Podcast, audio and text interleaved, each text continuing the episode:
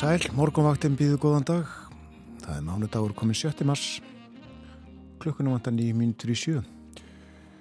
Og við hugum að veðrinu, það er kallt á landinu, frost um allt land og uh, talsveit breyting hefur orðið frá því um helgin á fyrir helgi þegar nokkur hlýjandi voru. Við byrjum í Reykjavík, fjórastega frost í höfuborginni klukkan 6 í morgun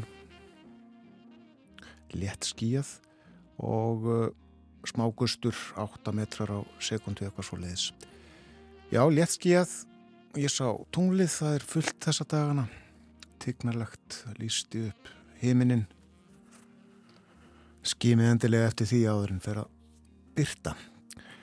6 steg frost á kanneri hægur vindur, 3 steg frost í stikisólmi, skíjað þar 8 metrar norðaustan, 4 steg frost bæði á Patrísfyrði og í Bólungavík og fjórastega frost líka á Holmavík, fimmstega frost á Blönduósi, sexstega frost í Söðunisvita, fimmstega frost á Akureyri, sjöstega frost á Húsavík, norðan tveir metrar, sexstega frost á Rauvarhöfn, sjöstega frost bæði á Skeltingstöðum og á Egilstöðum, lítilsáttar snjókoma á Egilstöðum klukkan 6 og fjórastega frost á höfni Hortnafyrði, fimmstega frost á Kvískerim 13 metrar á sekundu þar og fór í 20 í mestu kviðu, sekstega frost á Kirkjubæðaklaustri, fjórastega frost á Stórhauða í Vespanegjum 15 metrar þar, sjöstega frost í Árnesi.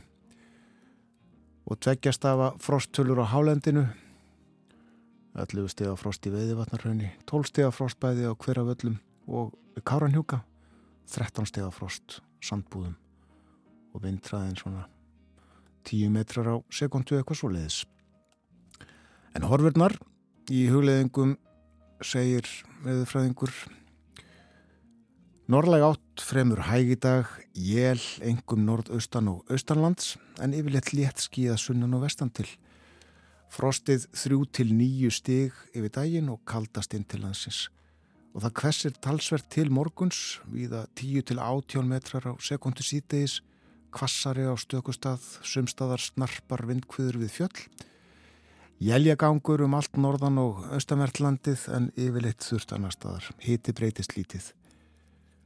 Og svo segir veðufræðingur nýjustu spár brenda til að drægi úr frosti í lok vikunar eða í byrjun næstu viku, þó ekki þannig að neinn vor hlýjindi eru sjáanleg.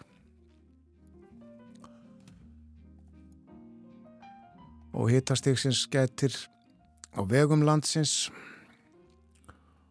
Og uh, það er var að við hálkublettum á nokkrum leiðum á vestfjörðum. Hálka eða hálkublettir eru víða á vegum á Norðurlandi og hálkublettir eða snjóþekja á allmörgum leiðum á Norðausturlandi.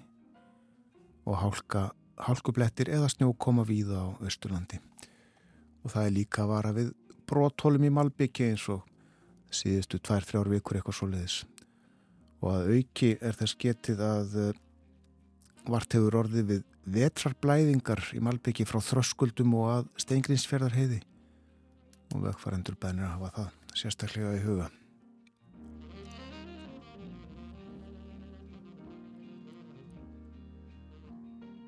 Það er ímislegt á Darskrá morgumvaktarinnar í dag. Við ætlum meðal annars að tala um uh, sjúkra rýmin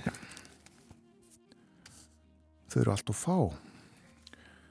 Líkt og uh, Svanur Sigurbjörnsson Læknir mun fara yfir með okkur í dag. Við heyrum einnig tíðindi frá Brussel í Belgiu og Lundunum á Englandi. Við fyrir betur yfir þetta allt saman. Í kynningu eftir frettinnar sem að koma eftir 5 minútur við leikum líka tónlist og lítum í blöð, ný og gummul og tónlist, já hlustum á uh, Dolly Parton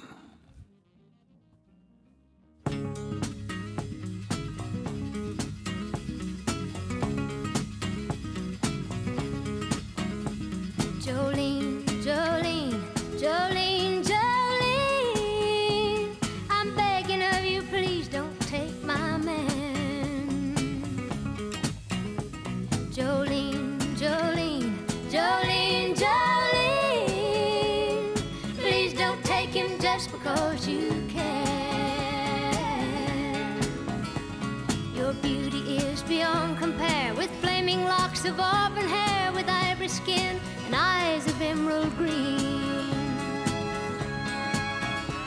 Your smile is like a breath of spring, your voice is soft like summer rain, and I cannot compete with you, Jolene. He talks about you in his sleep, and there's nothing I can do to keep from crying when he calls your name, Jolene. I can easily understand how you could easily take my man, but you don't know what he means to me, Jolene.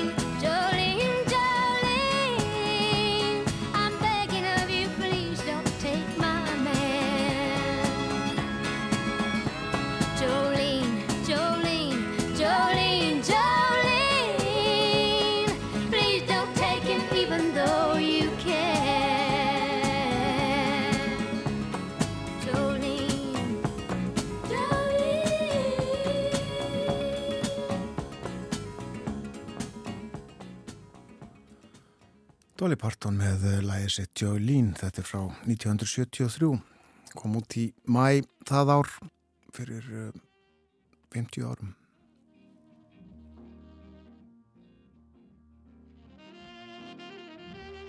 Það líður að fréttum hjá okkur á morgunvaktinni, fyrst auglýsingar og svo förum við ítalegur dagskráð þáttarins þennan morgunin að fréttum loknum.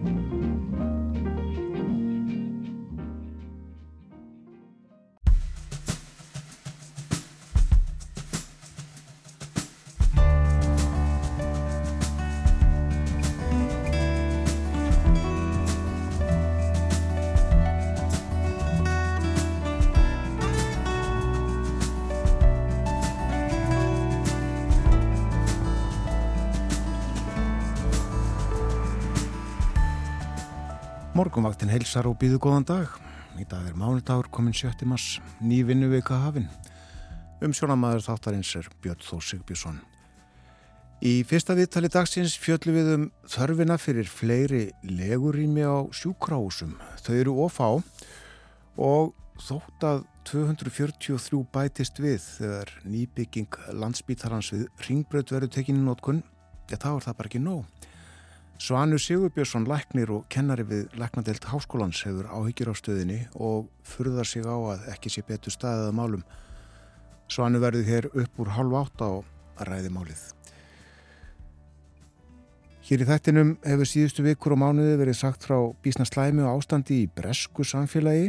Í Breitlandi er lífskjara krísa, cost of living crisis eins og það er kallað í bresku blöðunum.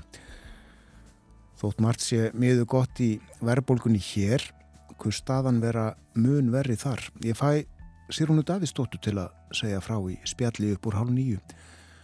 Og svo fer af stað ný reglulegur dagspráliður hjá okkur í dag. Björn Malmqvist, frettamæður, er fluttur til Brussel í Belgíu og mun flýti okkur frettir þaðan í útvarpi og sjómarpi meðal annars af öllum alþjóðastofnunum sem að þar hafa aðsettur. Björn verður á morgunvaktinni eftir morgun frettir á mánundugum.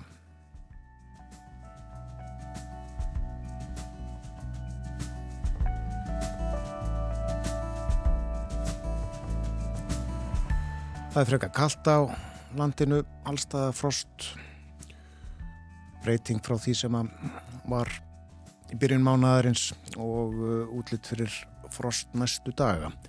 En spáin er svona norðlega átt 5-13 en 10-15 suðaustan til. Það lægir um landið norð-vestamert í dag, jél á norð-austur og austurlandi en létt skíja sunnan og vestan til. Frostið 3-10 stig, það verður kaldast inn til landsins.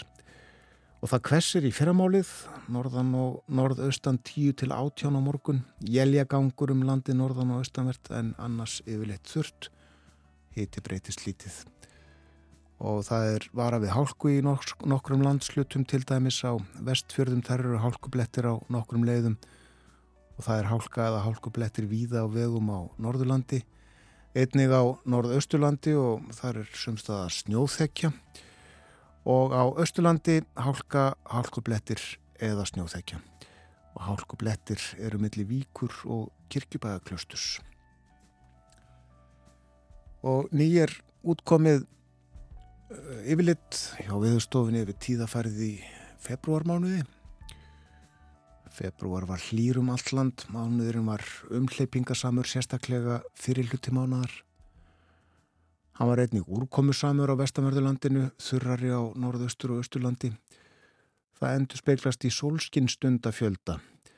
En februar var til að mynda solríkur á Akureyri en fremur sólar snöyður í Reykjavík.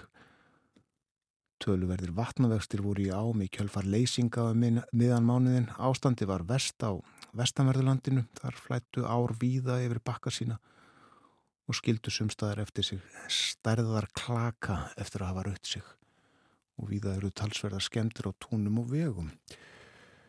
Nú, svo er fjallaðum hittan en meðal hitti mánadarins mæltist 2,1 stíð Reykjavík og það er talsvert yfir meðalagi síðustu ára og áratuga og meðal hittin á Akureyri svipaður 2 stíð og það er næstum þremur stegum yfir meðalagi tímabilsins 1991 til 2020. Og um úrkomuna mánuðin var úrkomu samur á vestanverðurlandinu, úrkoma var almennt undir meðalagi á norðaustur og austurlandi og uh, alkvítir dagar í Reykjavík voru átta sem er fjórum dögum undir meðaltali en á Akureyri voru sjö alkvítir dagar í mánuðinum. Það er nýju færri enn í meðalagi tímabilsins 1991 til 2020. Morgublaði kemur út í dag, prentað og falleg mynd af fórsýði eins og svo oft tekinn í fjörum Seltjarnesbæjar og uh, sér yfir hafið og uh, keilir er þarna tegnalegur og á mynd ekki að sjó hann er svona má sjá þarna mannesku að gangi í fjörunni í rauðri úlpu. Nú svo er hér uh, talað um málefni úr Reykjavíkuborg og segir hér starfsfólki Reykjavíkurborgar ber að stimpla sér út úr vinnu á meðan það fer til læknis og telst það þá eftir atvikum hafa ráðstafað stýttingu vinnuvukunar sem þeirri fjárveru nefnur og þessar upplýsingar komið fram í svari við fyrirspurt sem að sósilistaflokkurinn laði fram um lækna heimsóknir á vinnutíma og styttingu vinnuvikunar og svari var lagt fram í borgaráði.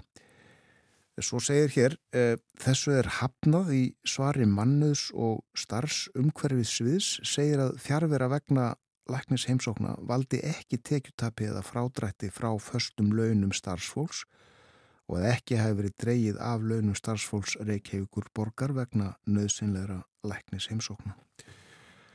Og það er fjallað um veggjakrótt í Reykjavík af því hlýst mikill kostnaður vegna þrifa og uh, morgunblæðið uh, er hérna með upplýsingar og segir verður að taka fram að þessar upplýsingar eiga einungi sviðum svo kallaða borgarveggi, þar að segja veggi sem að borgin sjálf á eða hefur umsjón með.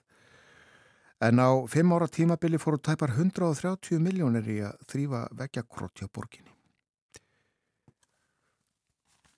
Þarna undir skólar til dæmis.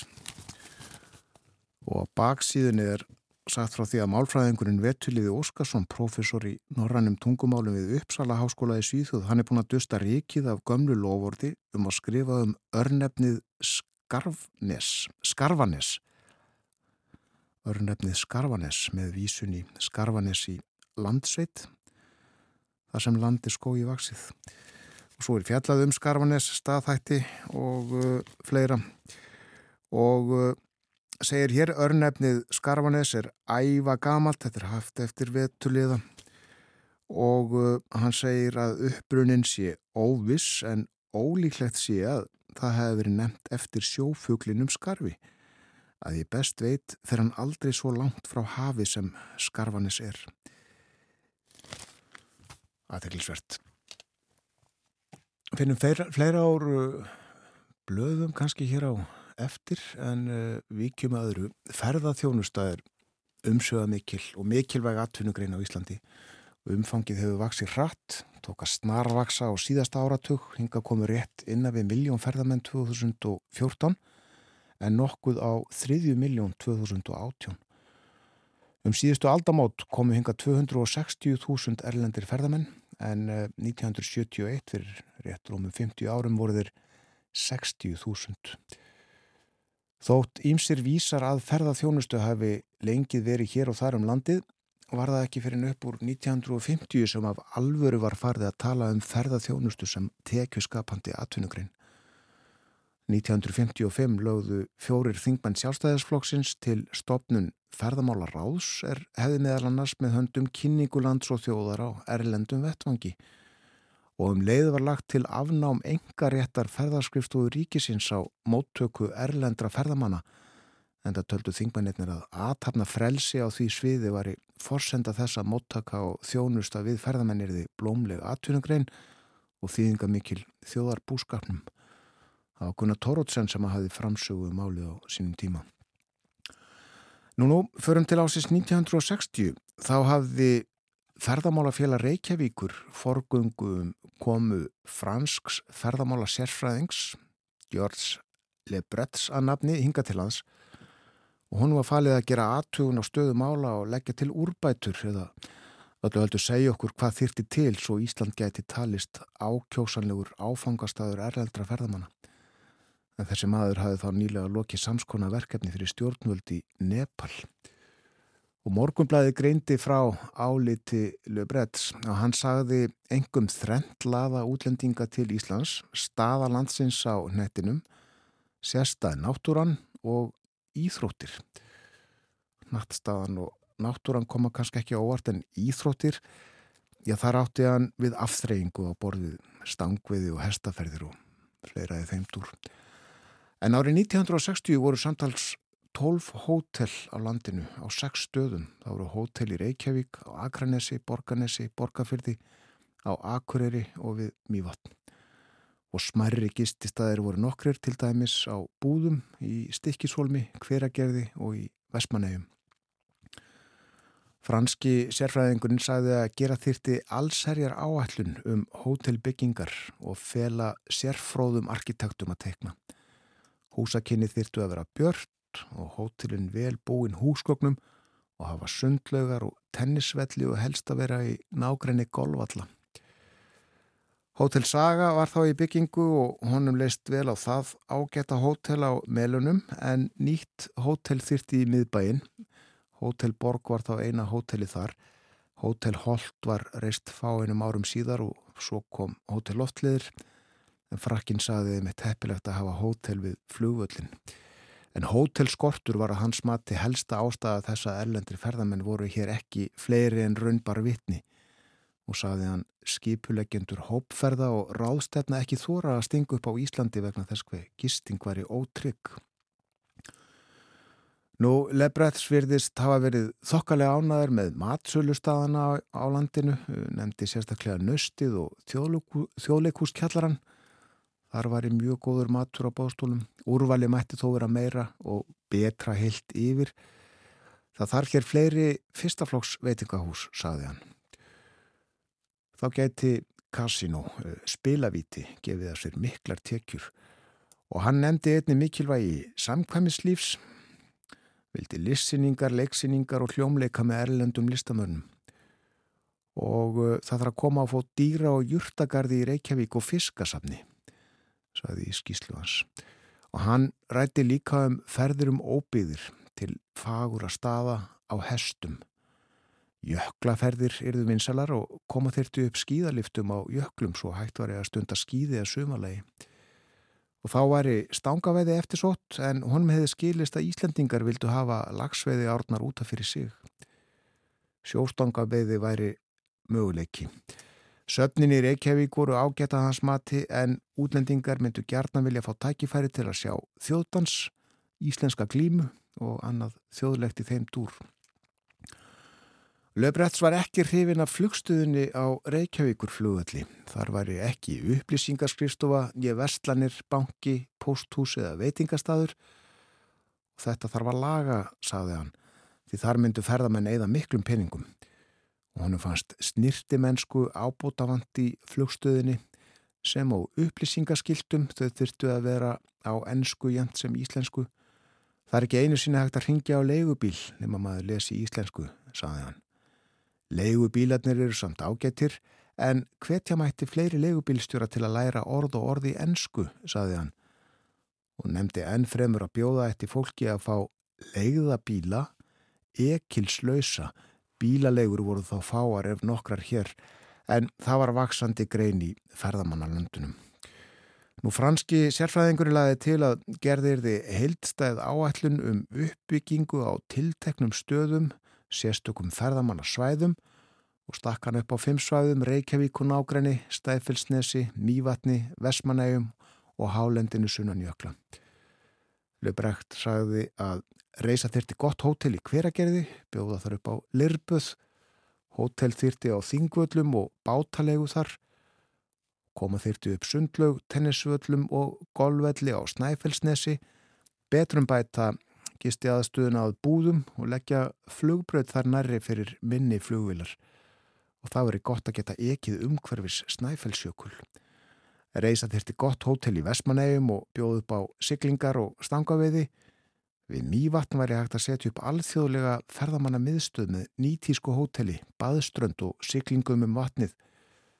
Einni þurfti þar golf og tennisvelli og hesta og bílalegur og um hálendið milli Langjökuls, Hofsjökuls, Vatnajökuls, Myrdalsjökuls og Heklu. Já, þar á að skipulegja net sæluhúsa, saði Lebretts. Þarum er best að fara á hestum og setja þar upp flugbröðir þar nærri svo ferðamenn þurfu ekki eða dýrmætum tíma í að ferðast austur og að austan í bíl. Og þá á hvetja stóru skipafjöluðin í heiminum til að setja Akureyri og Húsavík í ferða áallanir sínar þaðan væri svo ekki með farþega að mývatni. Já, hér var stiklað á stóru, franski ferðamálafræðingurinn, ferðamála sérfræðingurinn eins og hann var tillaður endar, George uh, Lebretts, hann laði margt til í skýslunni sinni árið 1960 um hvernig ferðaþjónusta geti orðið álitleg atvinnugrein á Íslandi. Og ég veit ekki annað en að margt af þessu hafi orðið að veruleika, þótt ekki hafi það nú allt gest fyrir ára tögum síðar En flugstöðun á Reykjavíkur flugvelli er samt enn jafn óvistleg og hún var fyrir 60 árum. En þá að sögunni, dagbókinni. Ég sé að í dag eru liðin slett 170 ár síðan óperan La Traviata eftir Verdi var frumsýnd. Hún var fyrst sett á svið í Fenei, í Fönix óperuhúsinu þar. Verdi var færtur þegar hann samti La Traviata en sagan byggir á Kameljufrúni eftir Dumas. Óperan fjallar um lífsgleðina, frelsið og forbóðna ást. Svo ég vitni í texta frá íslensku óperinu sem að setti La Traviata á svið fyrir fjórum árum.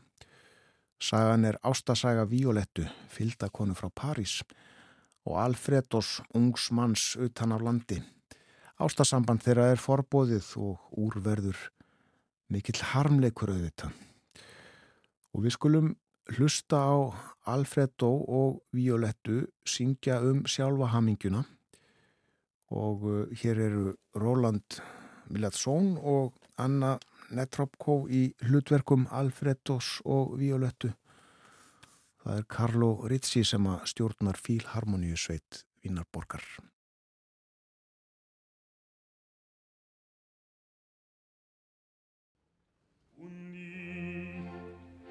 felice eterea mi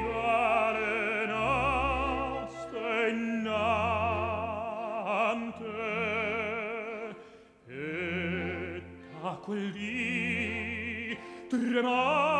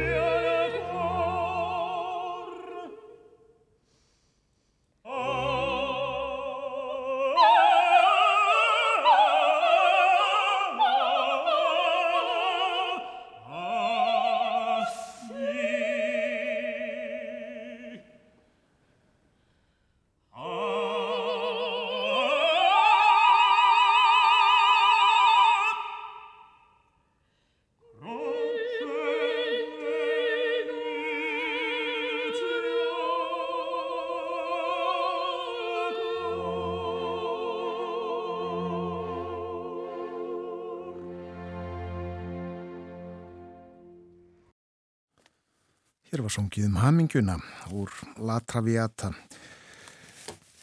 Þetta heyrðist fyrst fyrir 170 árum La Traviata frumsýnd á þessum degi 7. mass 1853. Réttir aðeins úr morgumblæðinu aftur svo komum til dagsins í dag. Sjötugur er í dag Samuel Kristjánsson, sjómaður frá Súðavík. Það er rætt við hann í morgumblæðinu. Og hann rifjar upp æsku árin sem betur fyrir var ekkert sjómarp, engin tölva, ekki símar og ekki einu sinni sjópa í bænum. Þá kunnu krakkar að leika sér og hann rifjar upp allskynns útileiki og fjörið sem var í kringum sjárútvegin og landbúnaðin í bænum.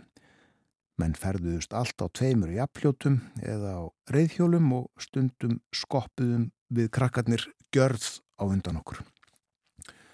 Maður þurfti að lappa þorpið á enda til að fara í skólan í öllum veðrum og það kom varðla fyrir að skóla veri fresta vegna veðus þótt að sæi ekki út úr augum. Þá var ekkert verið að keira krakka eitt eða neitt í bíl. Annarkvort lappaði maður eða fór ekki, það var ekki floknara en það. Og setna segir Samuel, byrjaði ungur að vinna í fristihúsinu og skar af skreið og spyrti til að hengja upp á hjalla og síðan fór hann á sjóin. Ég fór á smokk á freyjunni hösti 1966. Þá voru menn með færi að veiða smokk. Það var árvis viðburður að það kom smokkur í djúpið. Svo var maður þarna á bátunum heima og ég hef verið mest til sjós í gegnum tíðina þótt ég hafi eitthvað unni í byggingavinnu og fleiru líka og uh, Samúl fór í pólitíkina, var í sveitastjórn í uh, eitt kjörtíðarbill og uh, fannst það ágætt vildi ekki vera lengur. Ég held að enginn hafi gott á því að vera í svona störfum of lengi menn verða bara ráðríkir og halda það sé ekki tækt nema þeir séu við. Þú sér bara hvernig þetta er á alþingi. Það ætti enginn að vera lengur en tvö kjörtímabili einu.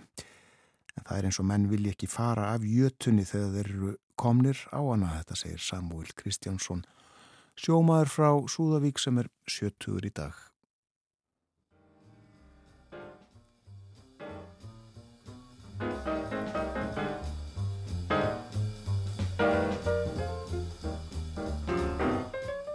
Það líður að fretta yfirleiti fáum það eftir rúmar þrjár mínútur og eftir það veru hjá með Svanur Sigurbjörnsson, læknir og kennari við Læknadelt Háskóla Íslands. Það eru allt og fá sjúkrarými í landinu og uh, slíkt ástand hefur varað lengi og það er ekkert sem bendir til að það lægist. Björn Malkveist, frettamæður í Brussel, verður með okkur eftir morgun frettnar klukkan 8. Hann er nýflutt og tangað og ætlar að flytja okkur frettir frá Brussel og uh, spjalla við okkur á morgunvaktinni á mánudugum. Og svo ætlum við að tala um lífskjara krísuna í Bretlandi. Sigrun Davísdóttir verður með okkur melli hálf nýju og nýju.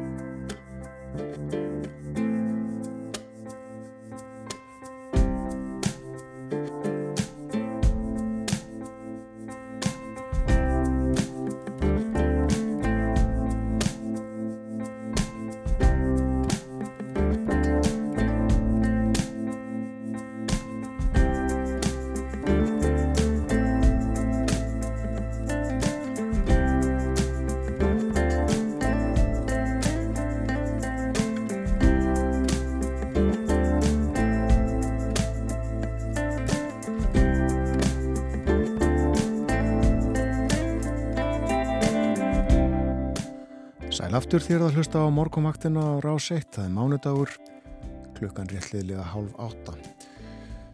Það er talsvert kaldara núna í morgunsárið heldur en var í gerðmorgun, frostum allt land og það verður frost næstu daga.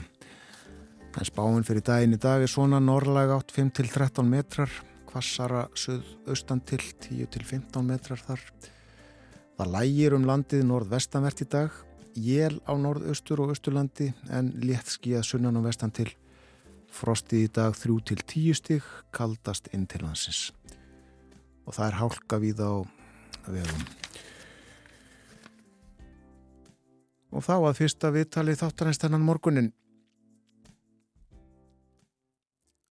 Það skorti margt í helbiðiskerfið framann af 20. öldinni en eftir talsverða uppbyggingu spítalahúsnaðis í Reykjavík á 7. og 8. áratöknum og heilsugellustöða um all land var líkt og umhyggja stjórnvalda gagvart málarfloknum fari í flokkin Æ, verð ég nokkuð að leggja meira fjögi þetta strax. Á þessum orðum hefst grein sem Svanu Sigurbjörnsson, læknir og kennari við Læknadelt Háskólans skrifaði í síðasta tölublað Læknablaðsins. Vaksandi tré þarfar í litlum potti lækninga var fyrirsóknin og þetta er önnur tveggja réttstjórnargreina í blaðinu. Og í henni fjallar Svanur um það að eh, sjúkra og hjúkrunarímin í landinu eru og fá, allt og fá hjúkrunar og öldrunar heimilum hefur fjölgað og rýmum en ekki nóg. Húsakostur heilblíðiskerfisins er löngu sprungin velkomin í þáttinn svonur Já, takk fyrir. Já, þetta er sprungið, áttar þið á því hven er þetta sprakk? Þetta er sérsagt eh, verið svona hægt og sígandi að, að fara ágæfu hliðina undarverna svona þrjá ára og tíu og ja, eh, það er svona fjórir áratýr frá því þessi miklu uppbygging átti sér stað en, eh, en svona í kringum svona upp úr aldamótonum þá fór þetta vera, verulega halla á sko. Já, en það var mikið áttak þarna á sjönda og áttunda áratögnum rekkurum. Já, því þá, þá er náttúrulega Lands, þá eru viðbætur við landsbítalan og, og sem var náttúrulega uppalvegi landsbítalan frá 1930 sko en, en, eh, en hérna 1950 og eitthvað og, og, og þá, þá eru heilmekla viðbættur uh, landsbytalan og, og svo, uh, svo borgarspítalan en svo kallaði þá að landsbytalan í Fossúi í dag hann var uh, komin í gagnið 1968 og síðan allar þessar já, ágættu helsugjaststöðar viða um land að það eru byggðar upp svona um svipaleiti og, og áttunda ára tögnum og þetta var náttúrulega gríðalegt áttak og hefur sjást kostað þjóðuna talsverða peninga. En, en, eh, en svo svona bara eins og þessi aðstæða sko, að, að, að það hefur bara verið sett svolítið e, sko að þarna fólk hugsa bara að já nú er bara komið mjög fínt eh, komið ágættis ástand. Og, og síðan hafi frekar uppbyggingu verið frestað og bara fólk og stjórnmálufólk hefur glimt sér á vaktegni sko Það er náttúrulega að gera ímislegt í landinu á þessum tíma. Já, akkurat. Það er að mörg, að mörg að huga, samgöngur og annað. Þannig að allt er þetta góð mál. En ég spýr svolítið í greininni hvar, hvar þurfum við að forgánsa það, hvað, hvað kemur svolítið fyrst í, í bara til að sinna eh, okkar, okkar þörfum sko. Er þörfin alltaf ljós? Er uh, vitað sírkabátt hversu mörg sjúkrarými þarf á einhver tiltekinn fjölda fólks?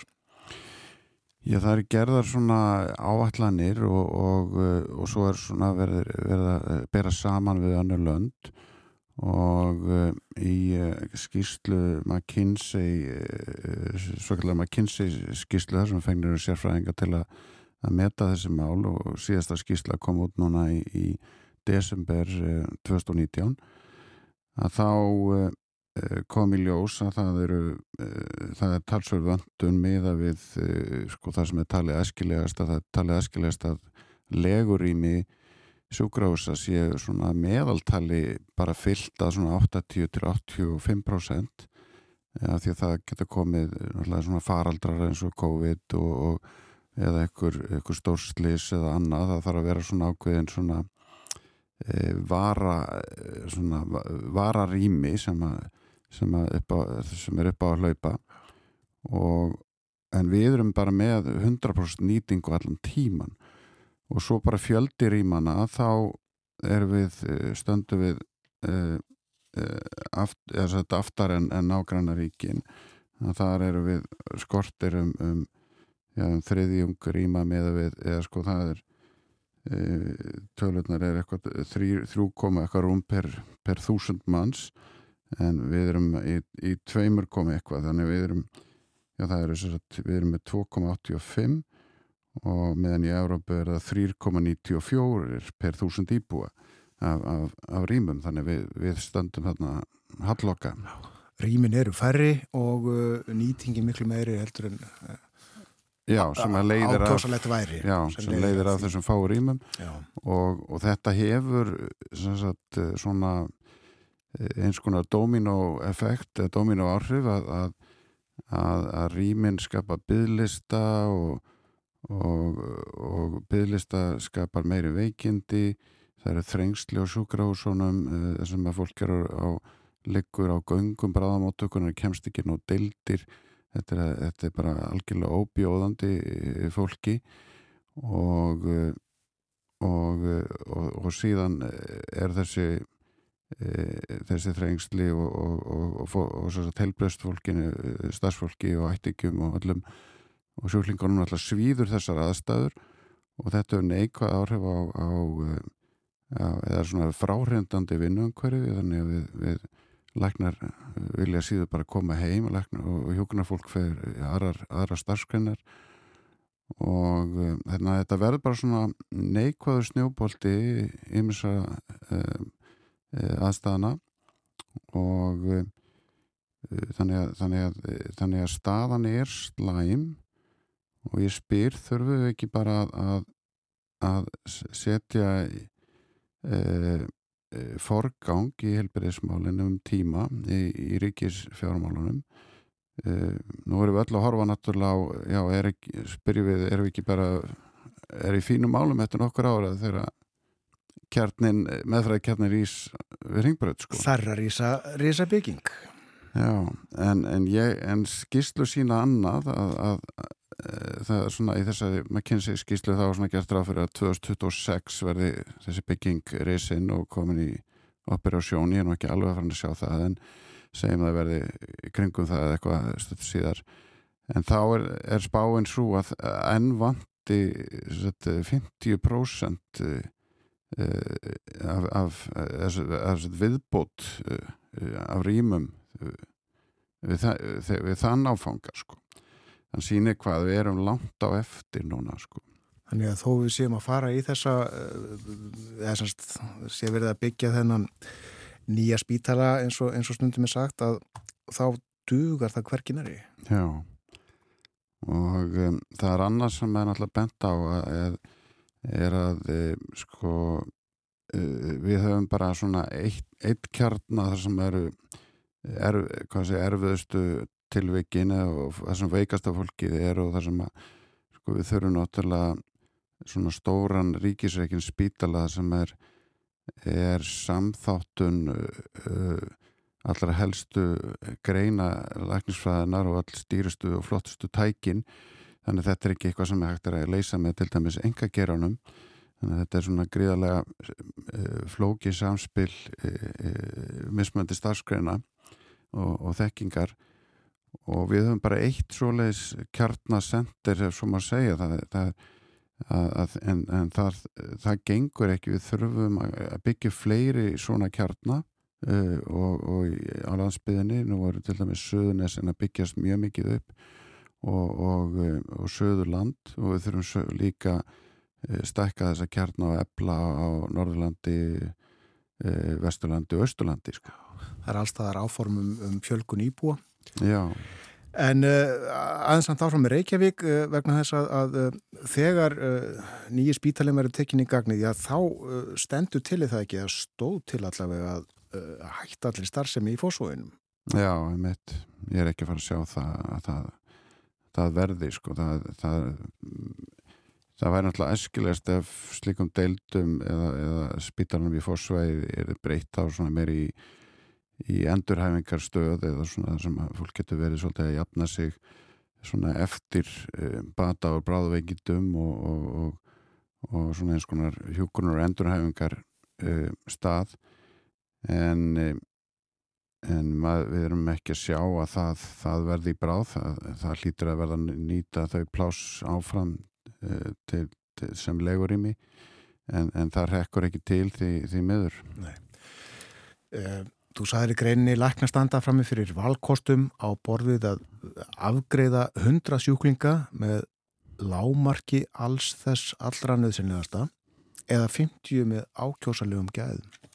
Já, þannig að það er þetta kemur bara náttúrulega niður á gæðunum uh, og uh, svo ég segði það eru bygglistar og, og, og þröngar aðstæður og fólk er á raungum stöðum eða sjúklingarnir eru svona á, á þetta bráðum átöku þegar þeir ættu að vera til dæmis komnir fyrir á, inn á gjörgæslu eða, eða ættu að vera komnir fyrir inn á, inn á deildir þar sem er sér að það er þjónusta fyrir það og betri aðstæð og, og svo til dæmis fólk sem er að jafna sig eftir gjörgæslu vist það ætti að komast inn á svo kallar hágæslu deildir, þær eru bara ekki til.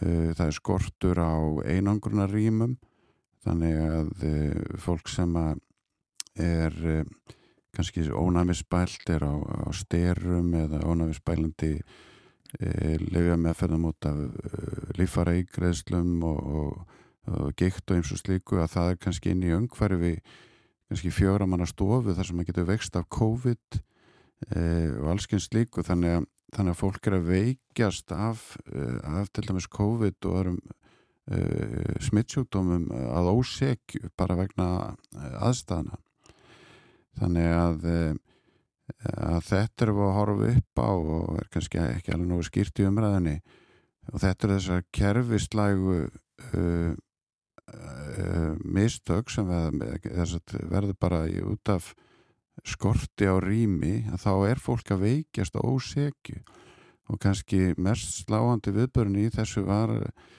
þegar fjöldi aldra, aldras fólks dó í, í COVID-faraldurinnum á landakoti það var bara út af því að það var ekki hægt að skipta upp vöktunum Nei Já, okkur er að fjölga og við erum að eldast og fleira fólk nær háum aldri. Sko, kallar það ósjálfrátt á, á fleiri rými eða sem sagt, já, ósjálfkrafa, sjúkraða hjúknarrými og það þótt að sífælt fleiri hugsi vel um heilsuna, þótt komið sér betri liv og þótt heima hjúkrun sér veitt í, í þó nokkru mæli. Já, með mitt góða punktur. Þannig að það er svona þetta tvíbenda með þjóð sem er bara, jú, að verða hraustari og náttúrulega því að náttúrulega mjög margt gott að gerast auðvitað í heilsu og, og hreisti.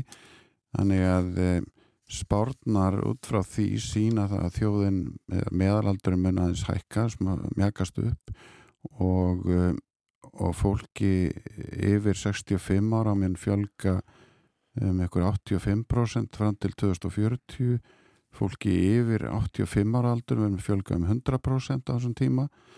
Þannig að þetta er ykkur þúsundir eða týr þúsundir af, af fólki. Og svo er náttúrulega líka frá að fá einn fullt af innflytjandundum og, og ekki fjölbaretni í, í þjóðinni. En, en þetta bara það að að, að, að hafa meira af, af eldra fólki það e, er jú, það er bara það kallar á meiri heilbreyðstjónustu en þetta er svona og svo líka er bara tæknin að vera svo mikil það er svo margt sem hægt er að gera og, og, og mikið af nýjum og flottum úrræðum bæði í skurð eh, skurðlækningsstjónustu og, og skurðlækningum og svo leiflækningum ný, ný og flott leif að allt þetta eh, kosta sitt og en við höfum þá að lækna meira uh, söðum krabba meina og, og, og allskins sjúkdóma þannig að þetta verður svo vaksandi trí þörfin er ekki bara svona línuleg heldur þetta verður svona, svona, svona veldisvextur Já. þannig að þetta þurfum við undurbóku fyrir og þurfum að spyrja okkur viljum við hafa tækifæri til að nýta okkur þessa hluti eða erum við eða ætlum við bara að verða eftir á sko Hvert heldur þú að svari sér almennt við þessari spurningu? Ég held að svona bara fólk svona aðeins staldra við sko eða bara, eða hvað að segja bara frá innsæðisinu þá sé nú svarið já sko. En, en, en svo náttúrulega þurfum við að velja að hafna sko þegar við hugsaum sko já viljum við nýjan veg hingað þangað eða viljum við eh, setja peninga í, í að styrkja hitt eða þetta eða í atvinnlífinu sem að verður að styrkja og og menningarlífinu og öðru og það er allstað sárt að taka frá en en, en, en, en en þegar við svona setjumst niður kannski og þurfum að hugsa hvar, hvar er þörfin mest og hvar viljum við að ríkið, ríkisreksturinn hvar, hvar hann er sinna helst að þá held ég að við hljóttum að vilja uh, halda hilsunni það er svona eitt af því sem helsta sem við viljum halda nú er þetta fæði og húsaskjól og uh, þau mál og, og, og samgöngur. Þetta er allt mjög, mjög framalega líka og en en, en en þarna þarf virkilega svona leggjast niður og endur skoða svolítið fjármálinn, það þarf kannski ekki eða sko það þarf svona ákveðna innspýtingu í helbriðismáli næstu, myndi ég segja, næsta áratug. Já. svona líkt og var á þessum áratugum hérna 1970 60-70 og fram í 1980 að það þarf viðlíka innspýtingu núna sko. Ég með hérna aðra grein úr uh, laknablaðinu uh, bregð til blaðsins, þetta var aðsend grein og hann har skrifuðu tvei laknar og tveir hjúknarfræðingar og uh, í henni segir þetta frá 2001 frá aldamótum hefur Íslandingum fjölgað um 90.000 og þar af hefur 67 ára og eldri fjölgað um 18.500 á sama tímabili hefur sjúkrarúmum fækkað um meira en 500 á landsbítala og hliðstað fækkun orðið á öðrum sjúkrarásinansins þetta kemur fólki öruglega óvart. Já, þetta, þetta hljóma svolítið skringilega sko. En, en, en þetta er líka kannski með, vegna þess, með annars vegna þess að kröfunar eru auknar og um, það þýðir ekkit lengur að bjóða fólki að vera á stóri stofu og, og pakka inn þar sex manns. Nóru fjórir kannski á þessum stóru stofu. Og og svo er líka bara kröfur í læknisfræði og, og, og svona vendun sjúklinga e, það eru meiri að, að, að, að það vera bjóð upp á einangonarými fyrir þá sem eru með smittsjúkdóma eða, eða þóla illa fá síkingar og og svo framvegist þannig að það er svona e, hefur þurft að að svona Já, hagræðingarnar hefur ekki alltaf verið þess að eðlis að getur verið hægt að búa til ný rými. Það, það er svona færst kannski þá að, að setja inn, ég er náttúrulega búið að fjölga sko rýmum í hjú, hjúkurunarrýmum og öldrunarrýmum en, en, en svona þessu bráðarrými eru orðin færri sko sem að, sínir einmitt og þau eru svo miklu sérhæðari og, og, og þurfa miklu svona þurfa sko nýja þurfa uppbyggingu. Það er, þetta dög ekki hagraðingar lengur þar sko. Og nýbyggingin við ringbröð mun ekki leysa vandan þó að uh, svo byggings á spítali sem að það er að verða uh, síðan oft kallaður uh, hátæknisspítali, hátæknisjúkrahús. Þú nefnir þar endur í greininni að, að það, með, með þeirri orðanótkun sé ekki endilega sko áttið að, að lækna verði með einhverjum hátækni búnaði, það sé ekki síður sko háþróið samvinna sem að gera það að verkum að þetta hugtags í notað.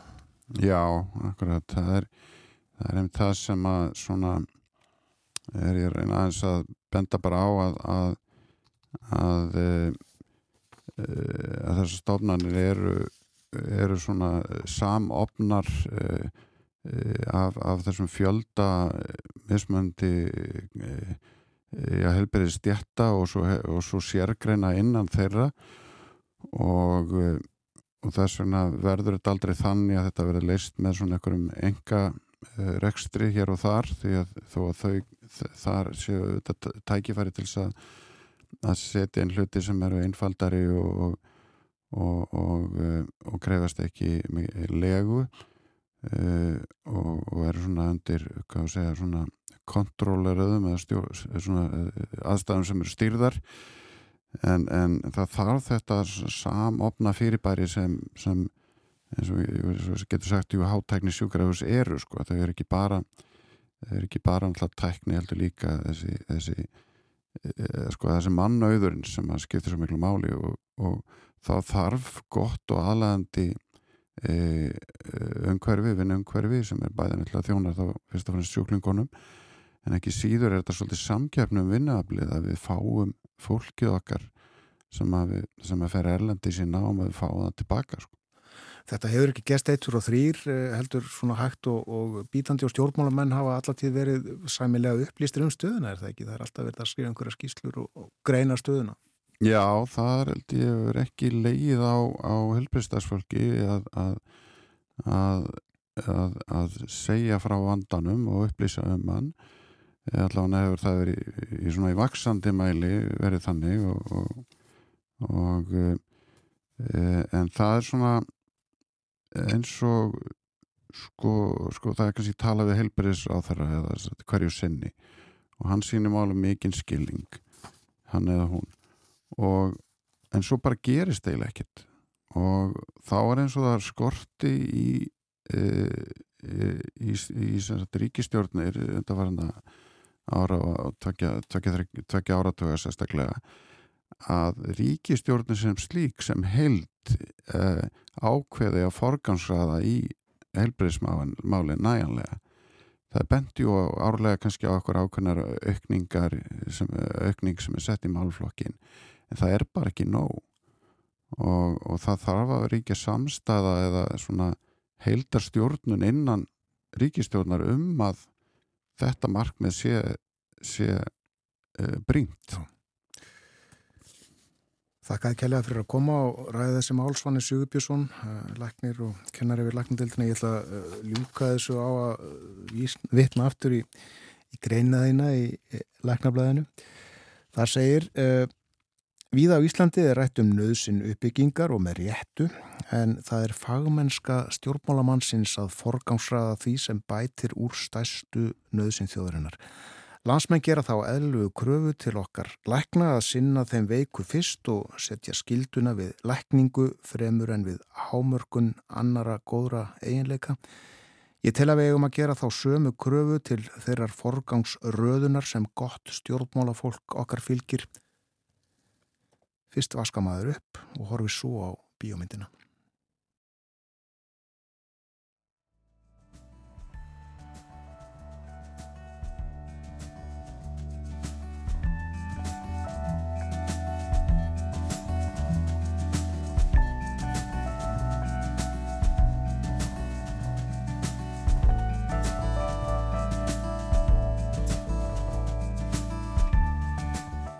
Klukkunum vantar rétt rúmar 5 minútur í 8 við fáum fréttir frá fréttastofinni klukkan 8. Eftir fréttir verður Björn Malmqvist fréttamaður í Brussel með okkur, segir okkur tíðindi þaðan. Og uh, breskmáleitni til umfjöldunar hér á morgumvaktinni milli hálf 9 og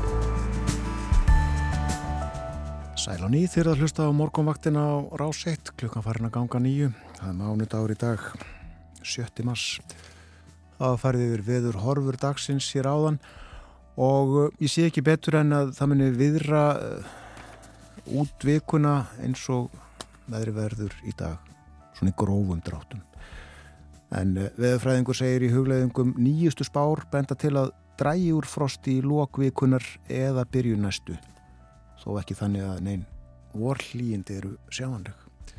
Og það er hálka sömstaðar á vegum. Svanu Sigurbjörnsson Lækni var hér áðan við töluðum um uh, þörfina fyrir uh, fleiri rými, miklu fleiri rými á sjúkrásum landsins. Þeim hefur fækkað þó fólki hafi fjölgað. Og uh, nýbyggingin við ringbröð mun uh, hvergi duga hvergi næri duga að það er að gera eitthvað í þessu saði svonur þarf hugafarsbreytingu Sigrun Davíðsdóttir verði með okkur eftir fréttaefilitið hálf nýju allar að segja okkur tíðindi frá Breitlandi en uh, fréttir þaðan að undanförnu hafa ekki verið góðar. Það er talað um lífskjara krísu þar í landi. En uh, nú ætlum við hins vegar að uh, fara annað. Þannig er að Björn Málkvist fréttamaður Ríkisútarsins er fluttur búferlum til Brussel í Belgíu og hann mun flytja frétti þaðan í útvarpi og sjónvarpi. Björn verður með okkur á morgunvaktinu á mánudagsmornum og í fyrsta sinn í dag, góðan dag Björn. Já, góðan daginn. Já, uh, segð okkur allra fyrst hvers vegna þú ert komin til Brussel og, og hvaða tíðindi þú veist þefa uppi þar til að segja okkur frá?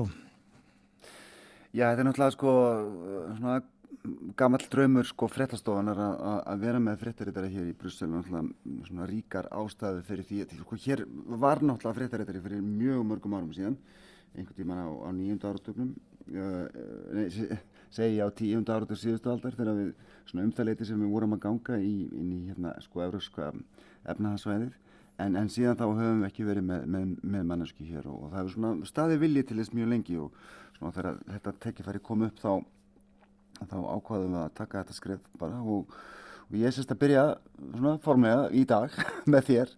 Og, og hérna það er náttúrulega mjög góður ástæði fyrir því að hafa mannesku hér til að fylgjast með málum í, í Brussel.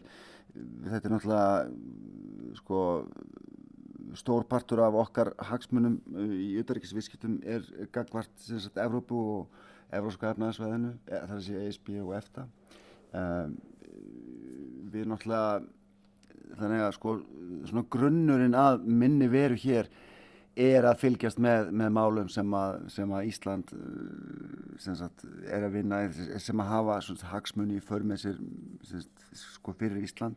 Og skulum ekki glema því að, að við erum náttúrulega í þessu, sko, þessu EES samstarfi við þannig að við tökum upp mjög mikið af reglum og, og lögum sem að verða til hér í Brussel fyrir, fyrir þennan sameigilega markað sem að, sem að við erum hluti af. Þannig að það verður, svona, það verður stór partur af, af mínu starfi. Nú þar fyrir utan þá náttúrulega bara þá mun ég bara fylgjast hérðan með um, veist, því sem er að gerast á vettvangi stjórnmála í Evrópu og hjá Evrópu sambandi mín sko, ég, ég, ég meina Brussel hún er kölluð höfuborg Evrópu og ekki að ástæðalösu, hérna eru allar helstu stofnanir Evrópu sambandsins og reyndar fleiri stofnanir, kannski tölum við það á eftir.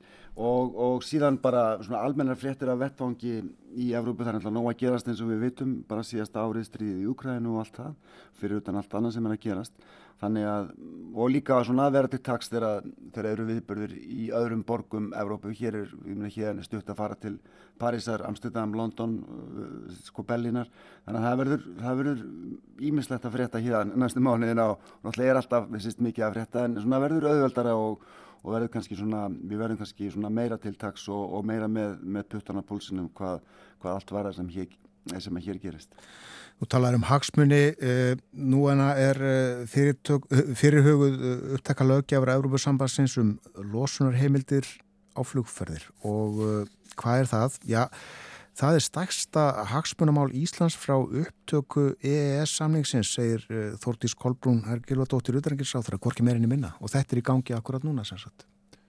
Já, þetta er náttúrulega rísastort mál fyrir, fyrir okkar hagsmunni. Það er búið að halda tíu ef ekki hundru funda með ennbættismannum í Brussel og við þar, ég minna að þú veist, fósættisráþara hefur skrifað bref til fósættar framkvæmtastjórnar ESB um þetta. Uh, við, það, er, það er búið að vinna í þessu í nokkur ár, enda líka svona hlutir gerast ekkert svona 1-2-3, þetta er búið að vera í undibúningi í mjög langan tíma og náttúrulega hluti af umhverjastefnu Európa-sambandsins. Uh, við höfum gert það sem við höfum getað til að koma okkar sjónamöðum á framfæri á mjög mörgum vettvangjum og þetta er kannski sko svona bussifræði hvernig þetta fer allt saman og, og það er náttúrulega við kannski spyrjum að leikslokum með það. En þá er þetta mál einmitt mjög svona gott dæmi um einmitt þá hagsmunageslu sem að Ísland og, og hinn eftaríkin eh, stunda hérna í Brussel. Veist, það er alveg ástæði fyrir því að, að, að, að sendir á Íslands eh, hér í Brussel sem er bara hér í næstu byggingu við mig er stærsta sendiráði sem við reykum á ellendri grundu. Þannig að það eru mjög margi starfsmenn frá auðverkisráðunitinu þar eða ekki eru starfsmenn frá vel flestum öðrum ráðunitum heima.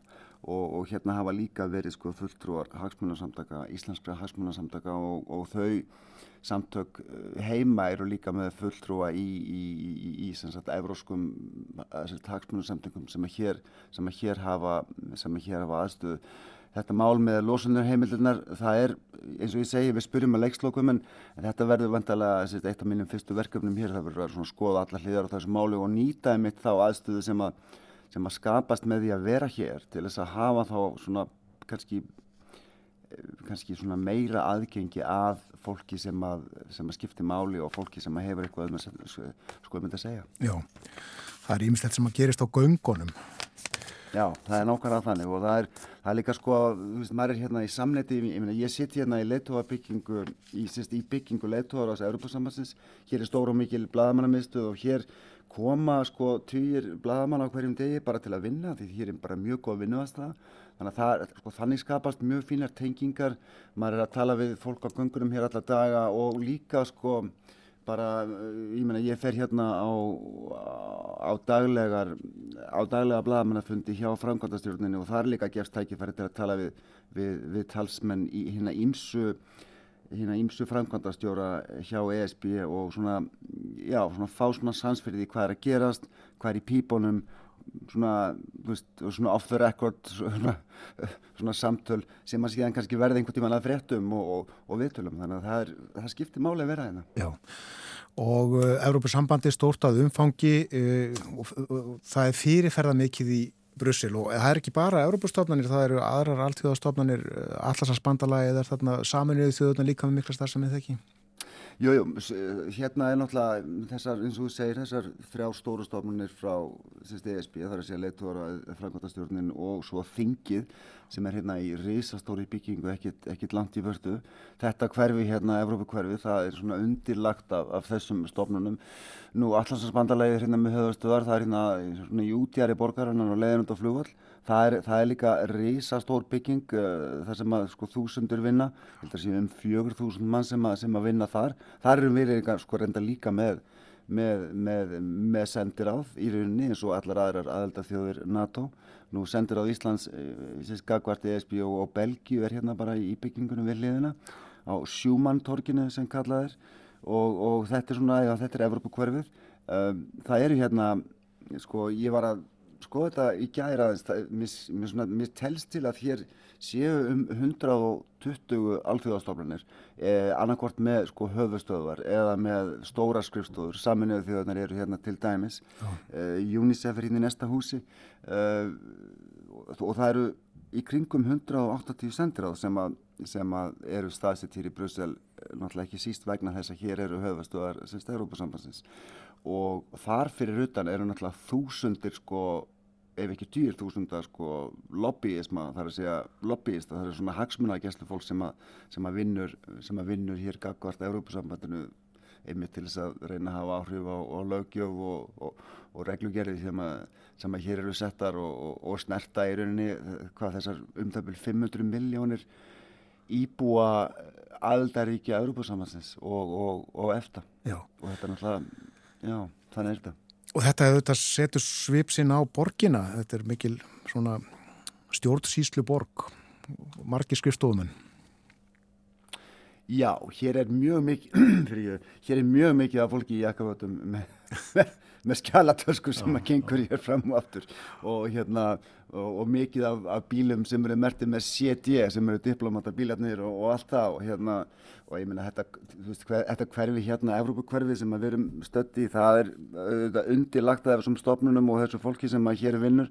Ég held að séu svona eh, svona uh, um það vil kannski 40.000 manns sem að vinna hjá þessum þremur stærstu stofnunum ESB uh, sko þar fyrir utan er náttúrulega allir þingmennir sem eru eitthvað 600 og eitthvað á, á erbúðfinginu og, og hérna og, og allt fólki sem að vinnur í kringum þetta þetta náttúrulega hefur gríðarlega mikil áhrif á mikil áhrif á efnahægin hér í Brussel. Ég meina uh, þetta eru er stóra stofnunir það var mikil slagkraft í efnaðarslífinu hérna.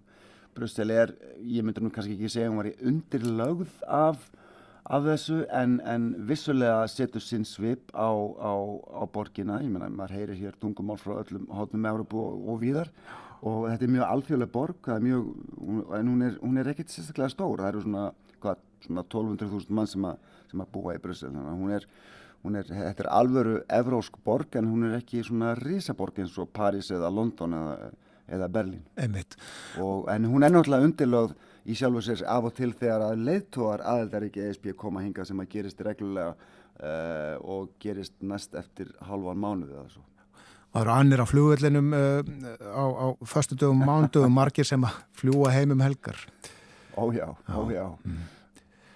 Akkurat, við nefndum þetta losunumál í flugi sem er risastórt taksmálumál fyrir okkur Íslandinga en annað risamál já, var til líkt að leitt er það ekki í síðustu viku, það er þetta samkómulega Európursambansins og Breitlands er varðar landamæri Norður Írlands. Jú, Vindsor samkómulega er svo kallega. Akkurat, kent við Vindsor. Já, það var kent við Windsor og því að það var skrifað undir það í Windsor þar kom Úrsula von der Leyen fórseti frangotastjóðnarinnar og, og Rishi Sunak fórseti svo þeirra Breitlands og, og svona gengu, gengu frá þessu allavega svona eins og staðin er núna. Þá nú, þetta var alltaf áttur að fara í gegnum breska þingið og þetta áttur að fara í gegnum þarna eh, þingmenn á norður Írlandi um, sko þetta er náttúrulega að vissuleiti loka kablin og, og, og sko, ég menna Sigrun fenn nú betur yfir þetta með þér og eftir og hún þekkir þetta náttúrulega alveg í þaula en, en sko svona, svona, svona séð hérðan frá, frá Brussel sko, ég hef á tilfinningunni að, að, þetta hafi kannski verið sko, veist, þetta er lokanheikurinn á Brexit að vissuleiti, svona allavega hvað var það sko, sko samningaferlið og svona til að setla útistandandi mál. Ég held reyndar að þetta hafi verið svona kannski frekar stærri fréttir í Breitlandi en hér á, hér á meginlandinu. Ég held að leðtóðanir hér eh, í sko framkvæmtastjórninni hafi svolítið bara verið að sumera þetta upp. Þeir gáfa ákveðin hluti eftir, ekki síst til þess að auka líkotnan á að hagsmunnaðilegur og stjórnmálarleituður í Breitlandi og á Norður Íllandi myndu, myndu sættast á þetta. Til dæmis fær sko þingið í stormónd á ákveðið aðgengi að þessu og ég veit að Sigrun alltaf nú að tala um það betur nú eftir e, e, sko og þetta er ekki síst gert til þess að sko þingið í stórmáttu verði starfært á nýja því að það hefur náttúrulega verið bara, það hefur leiðið niður bara síðan hvað í fyrra einhvern tíman síðan var Economist sem er, sem er endar brest tímaritt uh, var með áhuga að verða vingil á þetta sem ég las um helgina. Það, eru, það, var, það var myndist á það að, að, að það eru tepp drjú ár síðan að breytar ætlaði að hætta að að koma fram við sendiherra ESB í London sem alvöru sendiherra og setja á hann svona sama stimpil og fulltrúa alþjóðastofnunar sem að væri svona ígildi þessi diplomati en að sína einhverjum bötan en uh, svo kom Ursula von der Leyen í síðustu viku einmitt til þess að skrifa undir Windsor samkómulegið og það var allur tjálta til. Hún var, hún var búið til hjá Karli Konungi og, og fekk svona the royal treatment eins og maður segir á góðri íslensku. Og hérna sumir hendar í Breitlandi vildu meina að það veri nú ekki alveg við hæfið að Úrsula von der Leyen fengi, fengi te hjá Karli Konungi að því að þar með væri kannski konungur að svona lýsaði óbent yfir að hann leiði uh, að, sko, að hann væri sáttur við, við vinstórsamkommulagið. Uh, ég held að sko Eh, og væri þar með að skipta sér á stjórnmálum sem að krúnan alltaf má ekki en, en allt þetta í kringum samkomlæðið sem er kent við Windsor uh, og ég held kannski ekkert ástæðilösu var kannski líka svona leið breskra stjórnmálda til að koma þeir svona kannski til, til skíla að, að krúnan væri að vissuleiti að leggja blessum sína yfir þetta og, og, og hérna ekki kannski síst til þess að hafa áhrif á sko á sambandsinna á Norður Íllandi og, og þeirra afstöðu til samkomlagsins. Við sjáum nú til hvernig þetta alls saman fer en mér sýnist svona á öllu að hér, hér í Brussel hafi, hafi menn svona svolítið litið á þetta sem já, nú bara, nú er þetta búið við, við hérna, við, við gáum ákvæmlega hluti eftir en einminn að þú veist, samkomlagið er í svona megin atriðum það sama eins og það var áður. Eh, það kemur síðan í ljós bara á næstu dögum gerir að fyrir hvernig, hvernig þetta fer í Breitlandi. Það var viðkvæmt og uh, snúið, lesið í allt eins og segir, uh, lesið í tepóla meira segja. Það var lesið í tepóla, mikið rétt. Meira en þetta mál á eftir emitti að Sigrun Davíðsdóttir verði með okkur, talar frá Lundunum en uh, Björn Málkvist í Brussel, við segjum þetta gott í dag og þú verði með okkur aftur eftir viku. Takk fyrir mig. Kærðakir. Björn Málkvist komin til Brussel og flyttur okkur fréttir þaðan í útvarpi og sjónvarpi og á vefnum og eins og hann sagði að uh, þá er helsta málið sem hann fjallaðum á næstunni þessi fyrirhugaða lögjöf Evrópusambandsins um losunar heimildir á flugferðir. Þetta er stæsta hagsmunumál Íslands frá upptöku EES samningsins, segir auðanrikiðsráð þeirra. Það er mikið í húfi þegar uh, hefur margt verið reynd til þess að fá undan þáur frá þessu. Ekki tekist enn en uh, áframverður unnið í málinu. Nú aðeins að uh, alþingi, þingfundur klukkan þrjú í dag og hann hefst á óundirbúnum fyrirspurnatíma og svo verða borin upp nokkur mál og heimilda þingsins aflað til þess að hleypa þeim áfram í þinginu. Bryndis Haraldsdóttir byður til dæmis um skýslu um viðhorf heilbriðistarsfólks, stjúklinga og almennings til dánar aðstóðar. Jóhann Páll Jóhansson, hann uh, vill fá leiði þingsins til þess að bera fram fyrirspurn til skriflegs svars um greinagerð setts ríkisendurskoðanda um Lindarkvól EHF, það er nokkuð verið fjallað með um þetta mál. Og uh, svo vil Björn Levi Gunnarsson fá leiði til að bera upp fyrirspurn til skriflegsvars um hlutverk ríkisendurskoðanda. Og uh, svo verður búða til annars fundar að loknum þessum fundi sem að hefst klukkan þrjú. Og ímis uh, mál á dagskrá hans til dæmi staða Frankvænda í Reykjavík vegna samgöngu sáttmála höfuborgarsvæðisins einnig fyrirspurn um sundabraut og samgöngu sáttmálan áður nefnda, greiðslumarksauð fjórbænda, kólefnisbinding lækkun, totla og gjalda og innfluttar maturur og fleira og fleira. Þingfundur herst eins og áður sæði klukkan þrjú en uh, nefndir funda fyrir hátegi, til dæmi stjórnskipunar og eftirlitsnefnd utaríkismálanemnd fundar einnig uh, velferðanemnd og uh, nefni það að á dagskrá fundar stjórnskipunar og eftirlitsnefndar er skísla ríkisendurskoðunar um vegagerðina en atvinnu veganemnd, hvað ætli hún gerir í dag? Jú, hún er farin í ferðalag, farin í heimsók til Þórshafnar og Úslóar. Það er í fræðsluferð í þessum borgum til fastudags.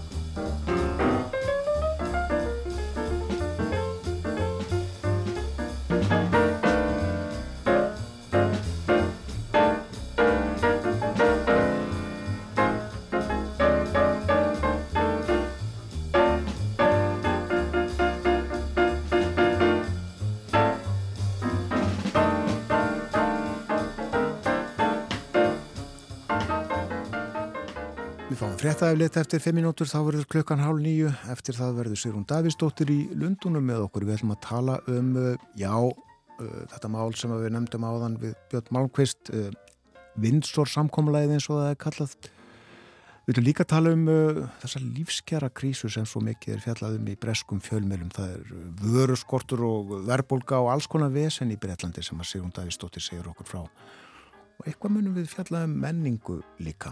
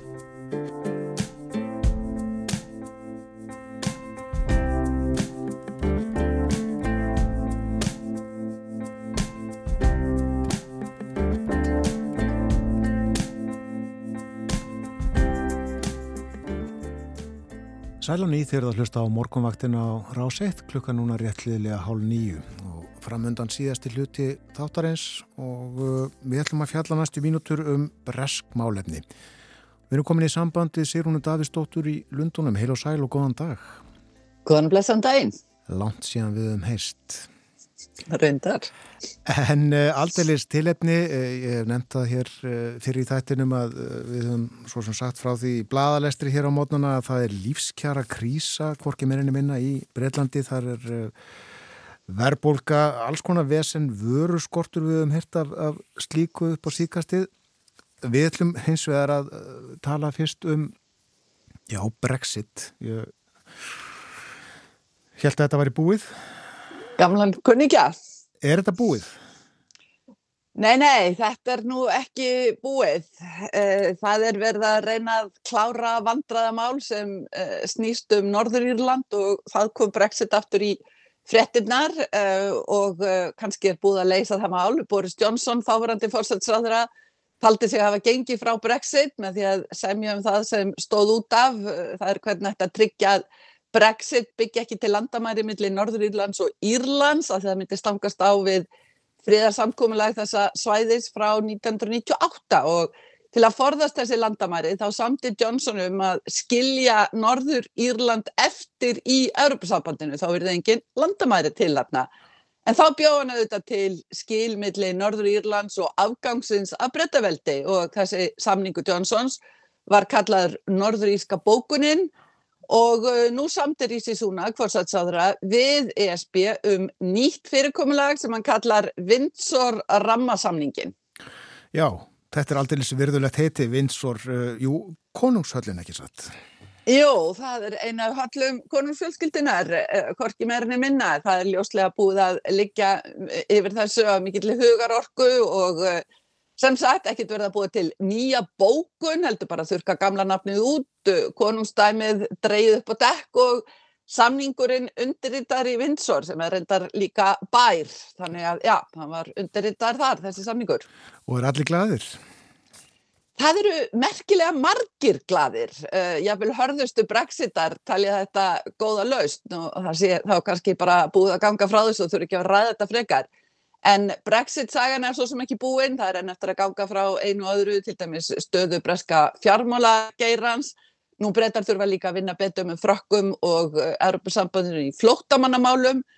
Um, en fyrst að var hægt að semja um þetta, þá er greinilegur samningsvilja af halvu breyta sem ímsum fannst að vantaði upp á hérna áður fyrr og tröstið sem Stjórn Johnsons hafði mist innan ESB það verðist vera endurheimt fyrir breyta svo já það er allavega allt annar tónn og uh, þetta sýnir sem sagt að það er hægt að semja hægt og bítandi þá og kannski líkum önnur mál. Nú það þarf, uh, breytar þurfa áfram að vera í samstarfi uh, í vardarmálum eins og til dæmis auðvitað varðandi Úkrænu En uh, varðandi vinsorsamningin, þingið á eftir afgreðan og svo spurning hvað norðuríski sambandslokkurinn gerir. Nú, uh, Boris Johnson, uh, hann er ekkit að lofa stuðningi? Nei, þú nefnir Johnson, hefur gert það núna nokkur sinnum. Hann hefur þetta hættir sem fósættisráð þegar hröklaðist úr ennbætti í haustu. Spilar hann enn stóra rullu í breskun stjórnmálum? Johnson telur það greinlega sjálfur uh, að hann gera það en þeir verðist nú fara fækandi sem taka undir það með honum. Það eru enn rannsóknir í gangi á hans COVID-málum, hann var sektaður í fyrra fyrir brota COVID-reglum, nú er í aðtöfum hvort hann hefði logið að þinginu í þeim efnum.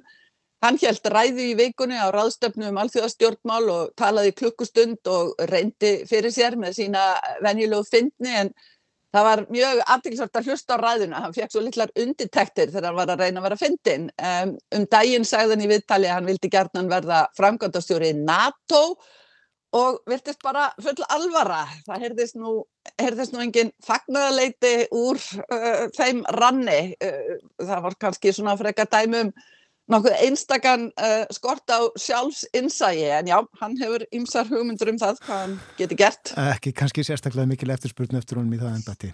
Nei, það verður ekki alveg hyrst af því. En uh, já, það er ekki víst hvort að hann styðji þennan vindsórsamning Súnas. En uh, hvernig er með íhaldsflokkin þingmenn hans almennt og þá einhverjum svona hörðustu brexit hana þar? Hvað er talið að þeir munu gera? Það er eh, svona eins og eh, vendingar um einhvers konar uppreistni í, í, í flokknum eða allavega í þessum armjum flokksins þær vendingar hafi doldið gufað upp. Ef ekkert óvænt kemur upp á þá stendur Súna Guppi með palman í handunum. Uh, hann hefur nú ekki þótt sérlega góður handverksmaður í stjórnmálum, ekki góður í að undirbúa hlutina, verið daldið svona fastur í smáatriðunum en þessi samningur sínir allt aðra hlið. Hann er einmitt góður í að uh, ganga frá uh, málum og það svona sínir það sem hann vill vera hann vill uh, koma fyrir sem tröstur og fumlaus fórsætsræðara það er nú svo sem kannski önnur mál sem geta sínt annað en já, þetta, það er gett að segja annað en þetta er tölverkt pólitíst afreg ef hann tekst að koma þessu uh, algjörlega í höfn og ganga frá þessu hérna heimafyrir. Já, en Breitland hefur annars verið eins og ég nefndi á þann í fréttum uh, hér og víða um heimiðuta vegna vöru skorts. Uh, það er skortur á águstum og grænmetið eða ekki. Blasir þetta við þér í, í búðunum? Ég hef nú ekki séð þetta blasa við hérna í hverfinu sem ég bý en þetta blasir við í fréttum. Það er talað um þurka og kuldakast í Suður-Evrópu og Norður-Afríku þaðan sem mikið af grænmeti og ávöxtum kemur og þetta ekki bara hingað. Það er einhverjum salat, paprika, tómatar uh, þessir, uh, þess, þetta grænmeti.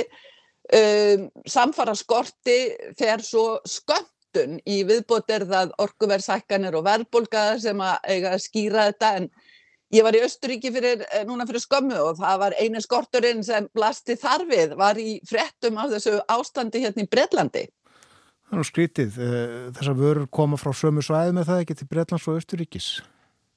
Einmitt. Eh, það er eiginlega ekki hægt að segja annað en að það eru ljóslega bein og óbein brexit áhrif eh, í þessum skortmálum. Það er einfaldar að flytja vörur á milli, til dæmis að vantar vörur innan ESB og þá er hægt við að Breitland verði einfallega út undan. Breska stjórnin vil reyndar ekki heyra þetta nefnt og hamrar bara á veðurfalls áhrifum en já, Brexit hefur allavega ekki hvetjandi áhrif.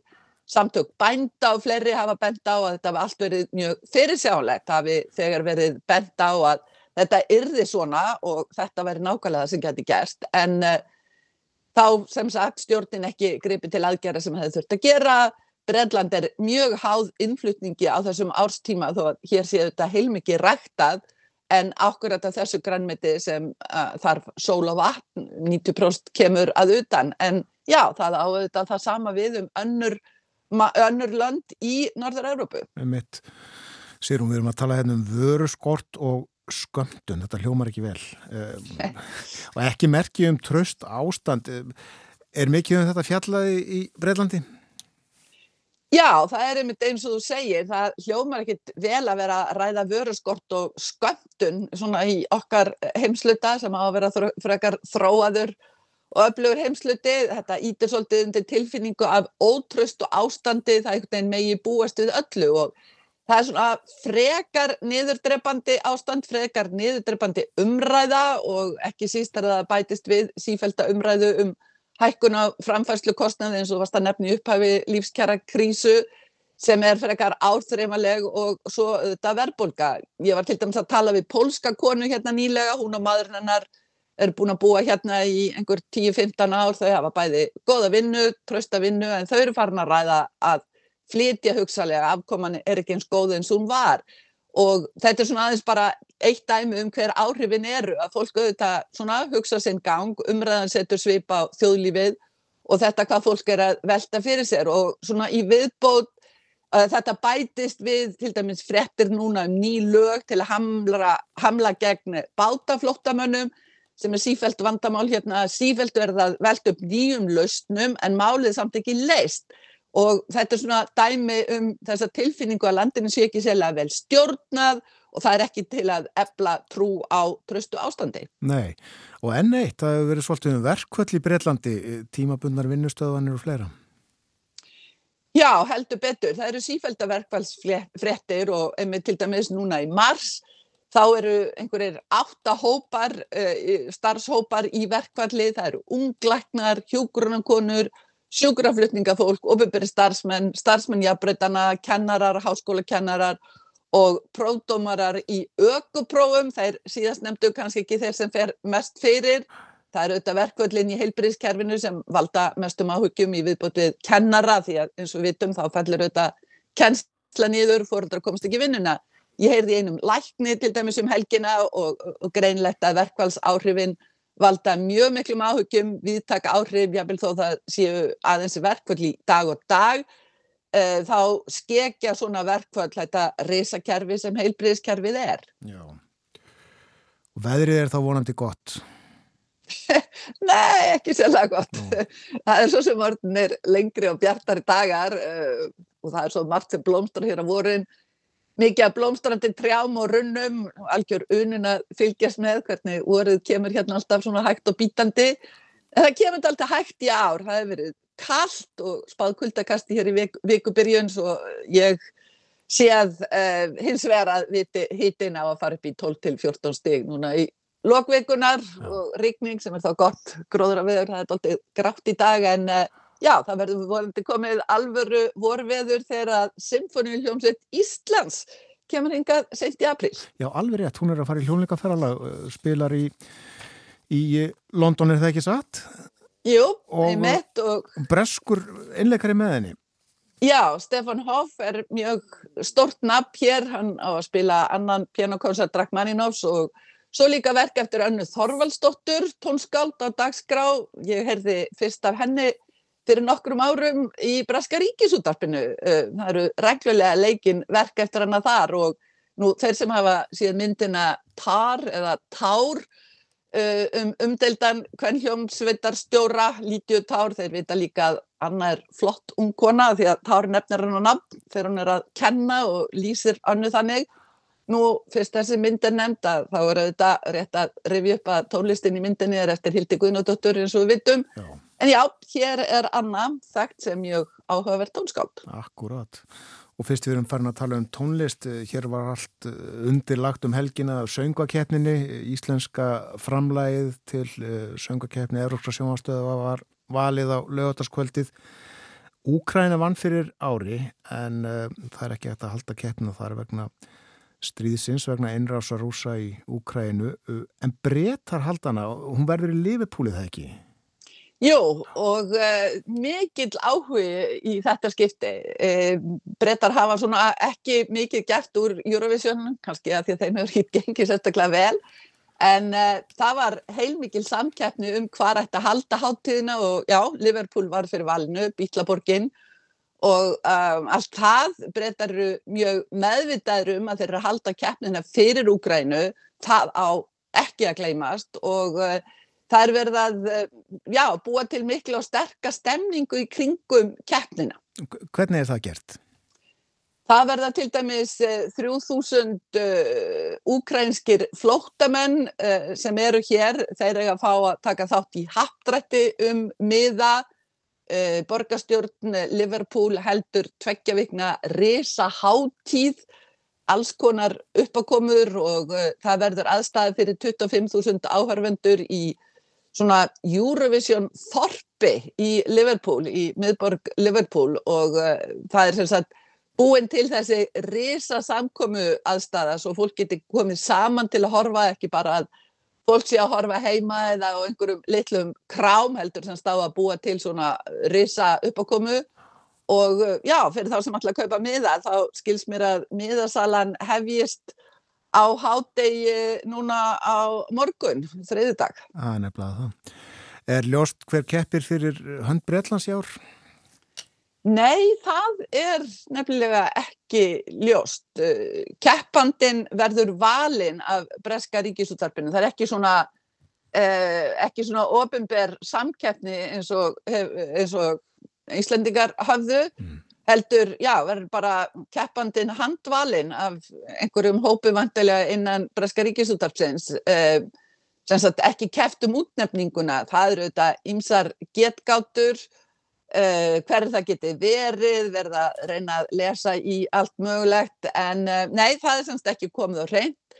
Það munaði þetta ímsir hér eftir Sam Ryder, breska söngvaranum sem var annar í fyrra og þess vegna sem að keppnin er haldin í Breitlandi og uh, mér skilst að þetta sé í nýjunda skiptið sem keppnin er haldin hér og ég held að það sé með, það er ekkit land sem hefur haldið keppnina jafn oft en já, það er svona verið að reyna að búa til heilmikinn, uh, heilmikla stemningu í kringum þetta og ég held að þeir sé að takast það, það er doldið fjallað um þetta. Já, verður líf og fjör í Liverpool í mæð þegar söngakeppnin verður haldinn þar. En um, það var líka stuð í borginni í gær líklega og uh, fram eftir nóttu uh, Liverpool vann Manchester United 7-0 Já, mér er að segja fólk eins og ég, já, mér er að segja fólk eins og ég sem fylgist ekki svona ofur nákvæmlega með, uh, með íþróttafréttanum er búið að frétta af þessu. Þetta voru þetta stórfréttir hér í uh, íþróttafréttum uh, núna í morgun og já, menn klóra sér í höfðinu. Ég var að tala við einn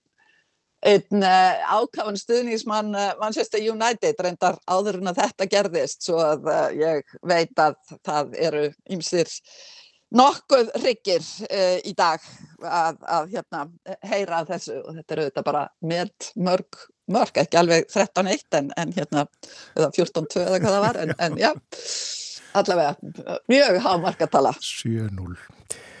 Kæra þakki fyrir í dag, Sýrún Davistóttir. Við spjöldluðum hér um uh, margt ímislegt brest um uh, Brexit og uh, þessara lífskjara krísu, vöru skort og sköndunjapel og verkvöll en líka um söngvakefna sem að framfer í Breitlandi í Liverpool í mæ og mikil stemning í kringum hana, spenna og eftirvænting sagði sér hún okkur. En við hlustum næst á Pól Sæmón, hann hefur aldrei tekið þátt í Eurovision.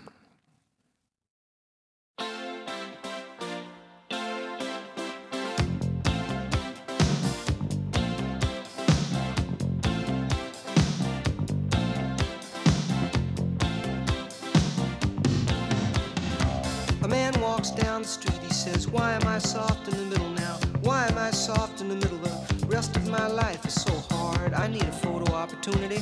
I want a shot at redemption. Don't want to end up a cartoon in a cartoon graveyard. Bone digger, bone digger, dogs in the moonlight. Far away, my well lit door. Mr. Beer Melly, Beer Melly, get these mutts away from me, you know. I don't find this stuff amusing anymore. If you'll be my bodyguard, I can be your long Betty, Betty, when you call me, you can call me out. A man walks down the street, he says, Why am I short of attention? Got a short little span of attention, and oh, my nights are so long. Where's my wife and family? What if I die here? Who'll be my role model now that my role model is gone? Gone. He ducked back down the alley with some uh, roly-poly little bat-faced girl. All were incidents and accidents. There were hints and allegations. If you'll be my bodyguard, I can be your long-lost pal. I can call you Daddy,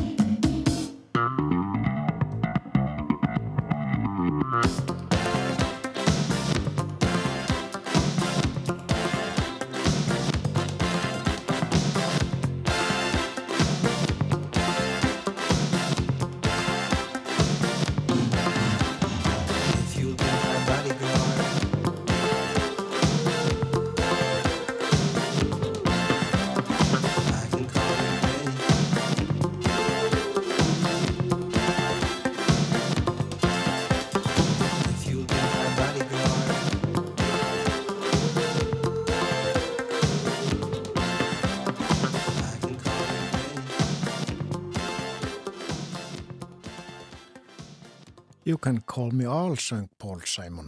Það er komið að lokum morgunvaktarinnar í dag, klukkuna vantar nú 7 mínútur í nýju. Með mér í dag voru Sýrún Davísdóttir, hún saði okkur tíðindi frá Lundunum og Breitlandi, Björn Malmqvist, fréttamaður Ríkisútarsins í Brussel var með mér líka og uh, hann verður á morgunvaktinni á mánundögum eftirleiðis. Og hér var líka Svanur Sigurbjörnsson Læknir. Það eru ofá, allt ofá sjúkrarum í landinu og uh, nýji landsbítalun við Ringbraut, nýbyggingin þar mun ekki leysa úr vandanum.